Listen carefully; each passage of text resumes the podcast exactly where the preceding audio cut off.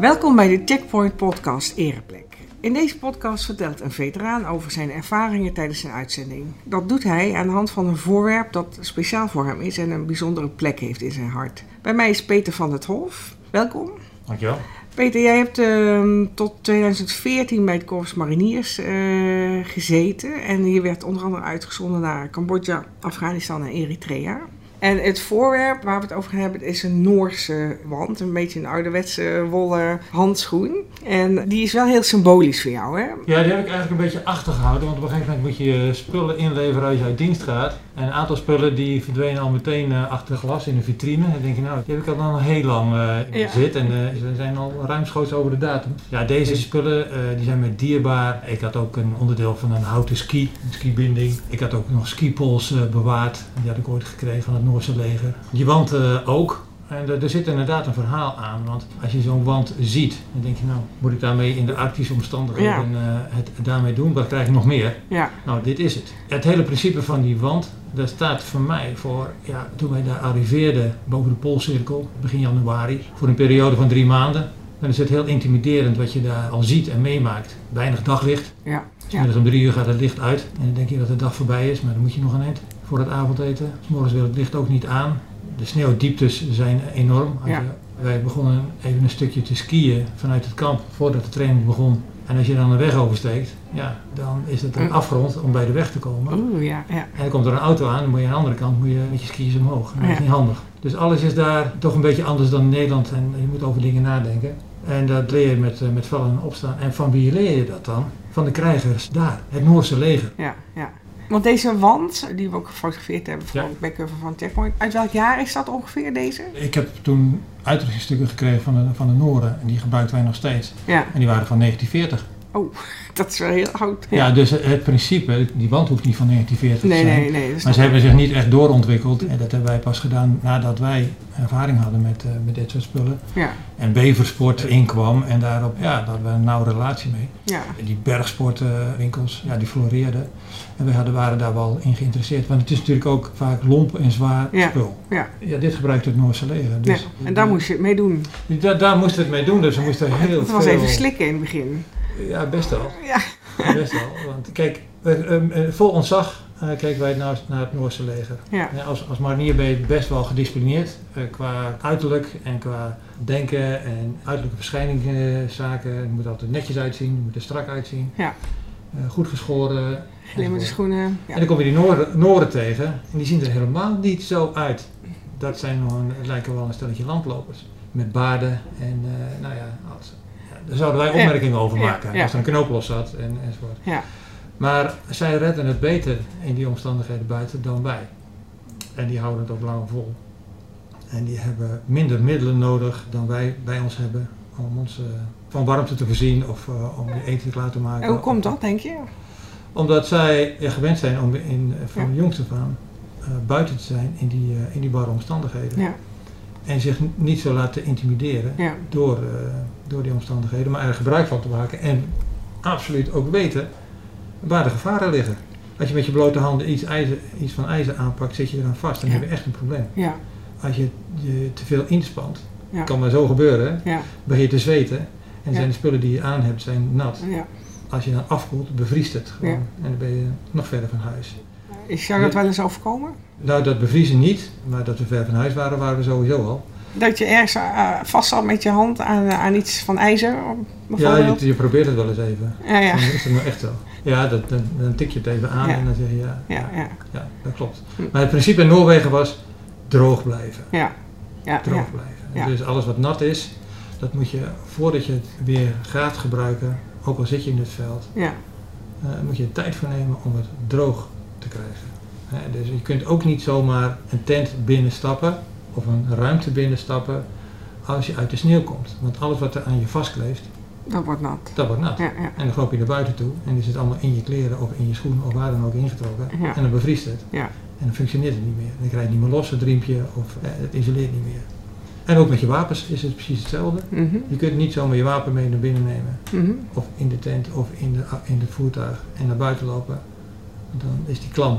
En dan kun je hem niet meer gebruiken, want dan Ja. beweegt, het, beweegt het niet meer. Dus Ja. alles. Maar als je zo aan het oefenen bent in die eh, barre omstandigheden, dan ga je transpireren, neem ik aan. Dat kun je niet voorkomen, lijkt mij. Of, Nee, maar je moet dan ook, eh, de discipline is dan bijvoorbeeld als je s morgens wakker wordt, en dan zit je in je tentje en dan is er een tijd gesteld van wanneer we vertrekken. En dan zit je dus in je tent, aangekleed, met je ontbijt al op. En het enige wat je nog moet doen is je tent neer. Er zit nog, nog één brandertje aan Mhm, mhm. en dat, dat houdt je dan. Dus dat, dat voorkomt dat je op elkaar staat te wachten, omdat de traagste een kwartier langer nodig heeft en de rest nog niet kan bewegen. Oké, En vaak is het zo dat je voordat je vertrekt, je tenue al aangepast is op de inspanning die je gaat doen. Dus ga je eind naar beneden skiën en wil je warm aankleden, Ja. dan gaan we echt omhoog. ja, ja, En is het zwaar, dan gaan we, doen we, noemen we dat een koude start. ja, ja, ja, ja, ja. En als je geen koude start doet en het wordt te warm, dan heb je na vijf minuten heb je al een ventilatiestart. Dan reken je daarop van iedereen halt houden, Mhm. trek je dingen uit die je nu denkt dat je niet nodig hebt. Want kijk, daar moeten we heen. ja, ja, Dat je droog blijft. Ja. Dus daar leer, je dus op te letten als leidinggevende al. ja, ja. Dat je niet iedereen aanmächtig achter je aan Nee. hebt en je komt er wel. Maar als je er komt, dan is iedereen verslagen door de omstandigheden. Precies, ja. ja. En dan ga je halt houden en dan bevriest het allemaal. Dan heb je niks meer om extra aan te trekken, want het is allemaal al Ja. nat. Ja. En het doel van die koude trainingen, dat is ook echt omgaan in de kou. Ontzettende koude omstandigheden, Ja, van NATO min 30, min ja, 20 ja, graden. Ja, wij, eh, NATO heeft een, een, een hele verdedigingslinie van toen nog, hè, dat, eh, van, het, van het noorden van Europa tot Zuid-Europa. Ja. En wij hadden NATO's eh, noordflank. Dus wij moesten daar met de Noorden en met de Amerikanen en met de Engelsen onder andere, moesten we daar het landschap en de weersomstandigheden eigen maken om daar op te kunnen treden. Als de Russen schimmige plannen hadden. Ja. En ben je wel eens verdwaald of zo? Of is er wel eens wat fout gegaan waarvan je denkt van, hmm, dat is maar goed dat ik dat maar ter nauwe nood heb overleefd? Zo erg is nou ook weer niet. Maar als eh, pelotonscommandant eh, leer je wel navigeren in bergachtig gebied. De Noorden blonken niet uit in de details van de kaarten die ze gebruikten. Want die kaarten moesten ze maken voor de Duitsers. En die, eh, daar hebben ze dus ook expres fouten in gemaakt. Ah. Dus eh, ik heb wel eens voor een afgrond gestaan die er helemaal niet was. Goed dat het een verkenning was. Ja, ja, precies. Maar dan moet je toch ongeveer via de boomstam omhoog klimmend weer, weer terug Mm, mm, ja. in de diepe sneeuw. En dan heb je een uitdaging. Ja. Maar dat komt wel eens voor, ja. Hoeveel jaar ben jij op, eh, heb jij die koude trainingen gedaan? Ik heb er niet een telling van bijgehouden, maar het is in de 80 jaren begonnen en eigenlijk pas 2000, 2001 of zo gestopt. Ja, En met tussenpauzes dat je ergens anders op kantoor zat of ja. wat dan ook. Maar al met al ben ik er wel tussen de 10 en 20 keer eh, geweest. Ja, ik wil niet overdrijven, maar Nee. volledige bergtraining is 11 weken. Of eh, berg- en wintertraining is eh 11 weken. Mhm. En die heb ik, ik denk wel een stuk of zes keer gedaan, ja. Wat is het moeilijkste onderdeel van, van die training? De duur misschien. Het is ook moeilijk omdat omstandigheden in Noorwegen nooit stabiel koud zijn. Mhm. Het heeft een zeeklimaat, dus het is altijd onder invloed van een luchtstroom over zee. En het kan dus ene dag min 25 zijn en s'nachts wordt het ineens plus 2. Hm. En dan heb je ook een probleem. Want? Want dan ontdooit alles en dan eh, begint de sneeuwcondities veranderen. Oh ja, Er wordt ja. paksneeuw, Ja. eh, het gevaar van avalanches, Ja. lawines eh, wordt groter. Dus je moet altijd op je qui-vive zijn. Als je in Canada gaat trainen is het altijd, de hele winter is min 25. Ja, ja, ja. En dan kwamen die Canadezen naar Noorwegen. Ja. En ik wat is hier aan de hand? Ja. En de ene keer sta je te krassen met je, met je skis over, over de grientjes. Ja, En de volgende dag sta je tot je, tot je, tot je in, eh, in, in de sneeuw. Ja. En dan kun je je spullen niet meer vinden. Nou, ik vraag het omdat ik net heb gehoord van een, eh, een kennis van mij. Zijn zoon zit bij de mariniers. En die heeft, Oh. zit nou ook, of is net terug uit Noorwegen. Maar die vertelde dat een van zijn maten moest zijn tenen was bevroren, of twee tenen. En die moest, eh, dat moest worden afgezet. Ik bedoel, dat zijn toch wel dingen ja, die je wilt voorkomen, zou ik maar zeggen. Ja, dat, heb ik, dat heb ik nog nooit meegemaakt. Wat erg gehuldigd wordt, en ik hoop dat het nog steeds zo is, is dat je een buddy krijgt. Mhm. En een buddy eh, zoek je niet zelf uit. Nee. Dat is gewoon iemand eh, naast je en Ja. die wordt je aangewezen. En Ja. je, je kijkt elkaar aan. En, Ja. Nou, wij zijn buddies, klaar. Ja. Dus die zorgen voor elkaar. Hm. Dat betekent dat je ook heel erg op elkaar let. Want als je in de kou buiten een wit puntje op je neus krijgt of wit puntjes op je wangen, zie jij het zelf niet. Nee, nee. Dus de buddy die moet alert zijn Ja. eh, op jou. Van heb jij vanmorgen gegeten? Ja. Want het is niet, niet te vreten, dat, eh, de, die, die porridge die je Nee. s morgens krijgt. Nee, nee. Maar als jij die inspanning moet leveren op een lege Ja. heeft, het hele, heeft de hele club een probleem met Ja. jou. Ja, precies. Dus de buddy moet eh, erop letten, jij hebt gegeten. Ja. En ik controleer dat. Ja. En dat is ook zo met eh, als jij natte sokken aan hebt en je hebt niet de moeite genomen om het s'avonds ervoor boven een brandertje eindeloos te drogen. Ja. Als je s'morgens die sokken aantrekt Ja. en je gaat voorwaarts, dan bevriezen je Ja, tenen. ja, precies. En als je klachten hebt, dan zeggen wij eh, schoenen uit. Dat leer je daar. Ja, Dat je die smerige tenen van hem onder jouw smerige oksels duwt. ja, Of in je kruis. ja, ja, Om te voorkomen dat je tenen afvriezen. ja, En dat wordt gerespecteerd als dat soort omstandigheden zich voordoen. ja. Dat niemand die zegt van doorgaan, Nee, nee, onzin, doorgaan. nee, Dat kan niet. nee, dat kan niet, nee. We zijn zuinig eh, op, eh, Ja, maar- op de mensen die we hebben. Ja, maar, maar, maar dat is ook geloof ik wat je eh, vooral daar hebt geleerd. Dat je moet doen met wat je hebt. Dat je heel zuinig moet zijn en heel gedisciplineerd met je spullen moet omgaan. Ja, zeker de zaak niet onderschatten. Nee, Je bent zo afhankelijk van de spullen die je hebt. Er is geen aanvoer van nieuw spul. nee, Hè, we hebben ook ski repair kits bij ons. Nou, je wilt niet weten hoe dat eruit ziet. Maar als je houten ski breekt, dan ben je echt eh, aan de goden overgeleverd van hoe kom je nou weer voorwaarts. ja, ja, Maar je hebt je wel eens door diepe sneeuw ge- gelopen. nee. Nee, maar dat is lastig, ja. Dan ga je dus zak je tot je kruis Ja. in, in de sneeuw. Kom je niet meer voorwaarts met zo'n Nee. met zo'n rugzak Nee. om. Nee. Dus met die skis, dat voorkomt dat je elke keer tot je heupen in de sneeuw eh, Ja. zakt. Ja, precies. Dus die ene gebroken ski, die wil je wel even kunnen maken. Ja. En dan kun je op die manier weer wel voorwaarts. Ja. In de hoop dat je daarna iemand vindt die een, een andere ski voor je heeft gehaald. Ja. Je bent ook in eh, Cambodja geweest. Eh, Was dat begin jaren negentig? Wanneer was dat? Klopt. Ja, Voor de verkiezingen? ja Of, eh, klopt. Ja. Het is 18 maanden eh, VN-missie geweest van eh, het, eh, de verkiezingen voor Cambodja organiseren Ja, en begeleiden. ja. En we Cambodja- kwamen daar Ja, midden in de jungle aan. Want Ja. de, de, de, zaken waren daar per provincie verdeeld en de mariniers hadden een- ook een gedeelte gekregen. En dat was ook eh, junglegebied. Daar zat eh Pol Pot, hè, de, Oh. de befaamde ja. Rode Khmer. Rode Khmer, dat zat ik ook. En eh, wij hadden daar voertuigen die we in Noorwegen gebruikten. Die waren daar ideaal om in die omstandigheden, in die, in die jungle-omstandigheden met, met eh, regentijden en, enzovoort, door die modder heen te ploeteren. Dat waren gewoon bandwagons met die rupsvoertuigen die Ja, ja. In, in Noorwegen ook heel goed in de sneeuw konden. Ja, En die waren net nieuw. Dat waren echt die, eh, die, die brede. Eerst hadden we eh, de BV202. Dat is een smalle. Als je een bochtje maakte en het was een beetje helling. dan uh, kiep die om. Ja. die om. Ja, ja, ja. en dit was een, eh, een betere versie Ja. en eh, dat was een bredere. En dat vonden de, de Rode Khmer vonden dit wel indrukwekkend. Oh. die, da- die dachten dat dat een soort van tanks waren. Maar ze waren van polyester. Maar goed, Oh. eh, dat hoorden we pas achteraf. Dat Oké. ze dat Oké. intimiderend vonden. Oh ja. Ja. Maar wat je hebt geleerd op die koude trainingen, heb, daar heb je ook heel veel baat bij gehad. In de jungle waar het dan eh, ongeveer 40 graden warmer is dan eh, in Noorwegen. ja, nou ja, goed. In de eerste plaats leer je in elke week tijd dat je met elkaar door één deur moet. Ja.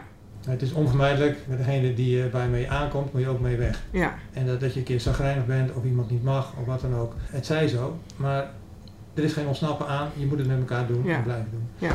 Dat is een voorwaarde, die, eh, die, die kun je daar niet gaan oefenen nee. in Cambodja. Nee. Van, eh, of dat kun, moet je dan ineens gaan begeleiden dat dat goed blijft al die tijd. Ja, Nee, dat, dat is een voorwaarde vooraf die, die er eigenlijk al was. Iedereen had dat in zich. ja, Dat kunnen wij. Ja. En dat, dat is al, de, al, zeg maar een item wat je niet traint, maar er gewoon is ja, door, het, door het te doen. En daar heb je voordeel van. Ik heb andere uitzendingen gehad waarbij vreemde eenden in de bijt kwamen van andere krijgsmachtdelen. En die hadden ineens daar problemen mee. En dat was eh, in Afghanistan? Of, eh, Nee, dat was in Albanië. Oké. Ja. Wanneer was je daar? Volgens mij 2000, 99, 2000. Oké. Okay. Kosovaarse vluchtelingen.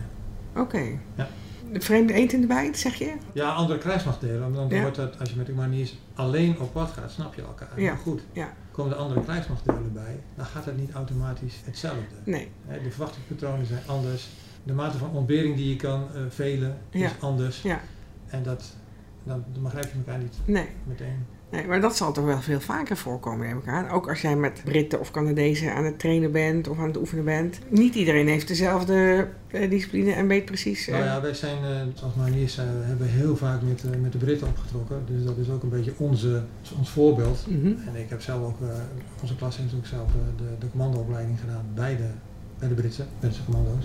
Maar dat zijn straatschoffies. Dat, dat leer je wel af. Wij, wij komen natuurlijk van de middelbare school. Ja. En eh, alles keurig en wel. En we hebben nooit echt op straat geleefd. Nee. Maar dan word je daar overgeleverd aan een groep commando's in opleiding. die, eh, die het straatvechten nog beheersen.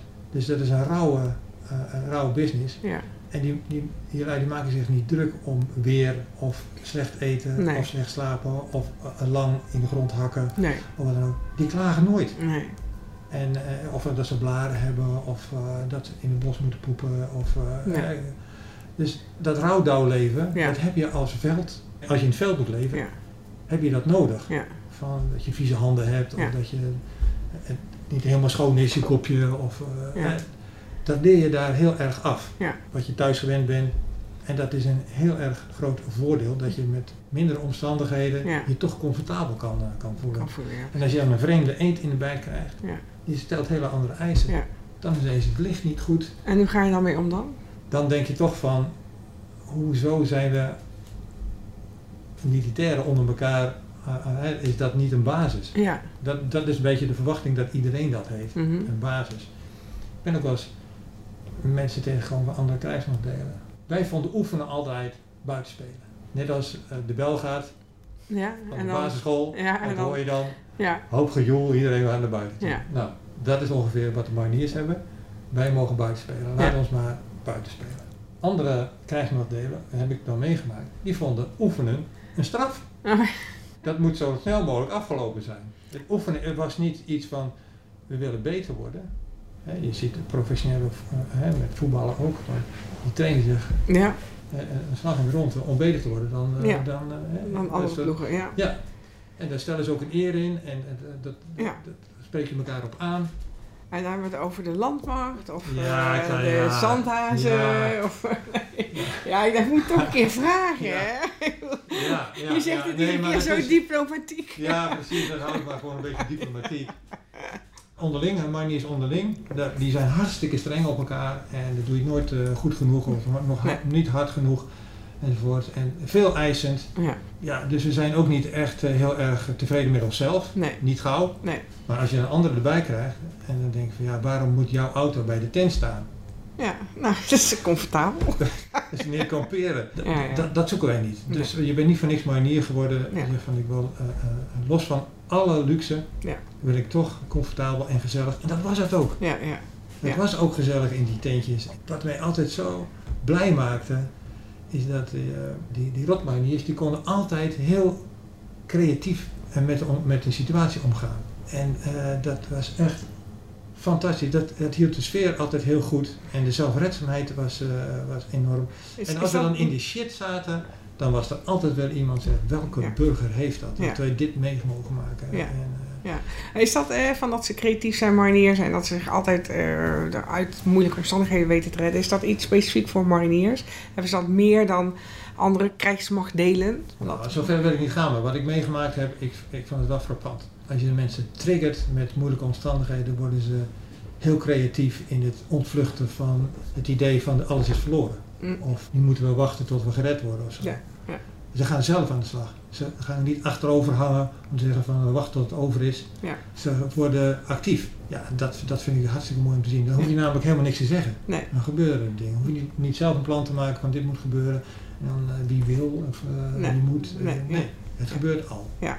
En dat, dan doe je dan ook met elkaar. Ja. Dan hoeft het niet van de leiding af te hangen om, om oplossingen te verzinnen. Nee. En die, ja, die, die creativiteit, ja, als je die mannen niet in de gaten houdt, doen ze dat op de verkeerde moment. Op de- dan gaan ze rottigheid uithalen. Ja, ja, Dan zijn ze weer, eh, Zijn ze ook creatief? dan zijn ze ook creatief. ja. Ja, ja. Ik heb ook wel eens gelezen dat, eh, dat er altijd in zo'n tentje iemand wakker moet blijven. En dat er een kaars in staat. Ja, En dat is, dat is ook zo. ja, ja, nou dat is, dat is, in de tent is het sowieso. Want met hoeveel slaap je in de tent? In de Noorden hebben we van die wiebertjes die je aan elkaar kunt knopen. Ja. En dat, is, dat maakt alleen maar een dak. En de rest moet je dus in de sneeuw uithakken als onderkomen. Ja. En dus het, het is de groep die bepaalt hoe groot die is. Ja. Dat, eh, hoeveel biebertjes je aan elkaar moet knopen. Dus dat kan variëren van een tweemanstentje Ja. tot, eh dat zijn tot, tot wel, wel tien man. En dan eh, gebruik je je skis om de zaak overeind te houden als je boven de boomgrens zit of wat dan ook. Dan lig je heel dicht op elkaar. Ja. Je maakt hem niet groot. Nee. Je maakt het net zo groot dat je heel dicht op elkaar kan liggen, want het Ja. bepaalt de warmte. Ja. En jouw werkplek is de helft van je matje. Die, die matjes rol je uit naast elkaar Ja. in een rondje. De helft van je uitrusting ligt op de helft van je matje. En de andere helft kun je gebruiken om je ding te doen. Ja.